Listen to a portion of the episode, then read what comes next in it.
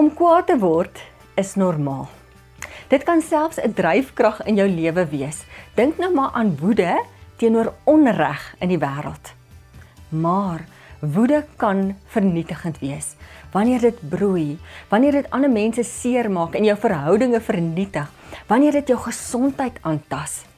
Jy geweet dat woede het effek op jou brein, dit het effek op jou bloeddruk. Kenners reken dat jy selfs 10 jaar langer kan leef as jy in gesonde menseverhoudinge staan en nie die hele tyd met mense beklei nie. Jy gaan nooit 'n vervulde, gelukkige lewe lei as jy die heeltyd loop en stry en beklei en woede uitbarstings het nie. So ons moet leer om ons woede te beheer. Spreuke sê jy tas jou naam aan wanneer jy die heeltyd woede uitbarstings het. So beheer jou woede. Moenie dat dit jou vernietig nie. Nou vra jy dalk Liesel, maar hoe doen ek dit? In die eerste plek, vind uit waarom jy so kwaad raak. Dink terug aan 'n geleentheid toe jy jy meer verloor het. Waarom het dit gebeur? Kenners reken dat ons baie keer woede uitbarstings kry omrede ons voel ons word nie gehoor nie, omrede ons voel ons kry nie erkenning nie. Dit kan ook onderliggende gevolg wees van seer of van frustrasie. Dit kan iets eenvoudig wees soos 'n oorvol en te besige dagboek. Wanneer ons besig is, is ons baie meer geïrriteerd. Dink nou maar aan jou kinders. Ons is geneig om te skree en te beklei wanneer ons voel ons het te veel hooi op ons werk. So gaan sit en vra jouself af, waarom? Waarom word ek so kwaad? Dan besef dat jy iets omtrent dit kan doen. Neem verantwoordelikheid. As jy byvoorbeeld kwaad raak oor dat jy voel jy word nie gehoor nie, vra vir die Here om vir jou die regte tyd te gee om met daai persoon te sit wat nie luister nie.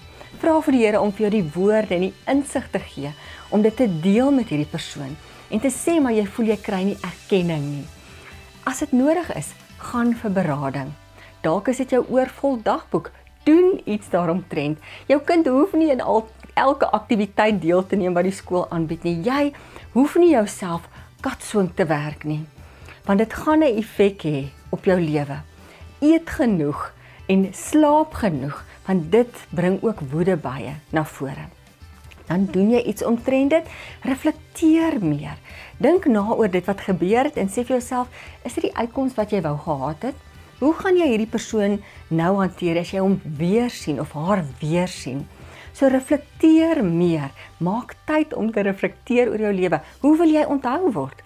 Wil jy onthou word as iemand wat gedurig kwaad was en gedurig sy of haar hier meer verloor het?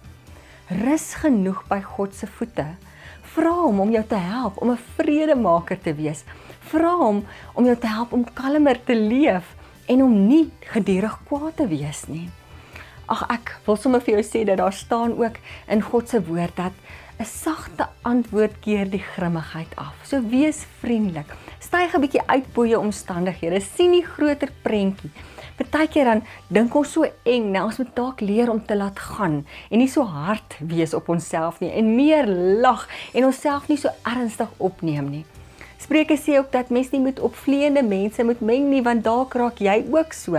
Nou dalk as jy getroud met iemand wat nie meerig is, gaan sit saam met daardie persoon wanneer hy kalm is en rustig is en sê vir hom hoe dit jou laat voel en hoe seer dit jou maak. Vra vir die Here om vir die woorde te gee. Ag ek bid sommer vir jou as jy iemand is wat opvleend is, dat die Here sy kalmte en rustigheid en vrede vir jou sal gee.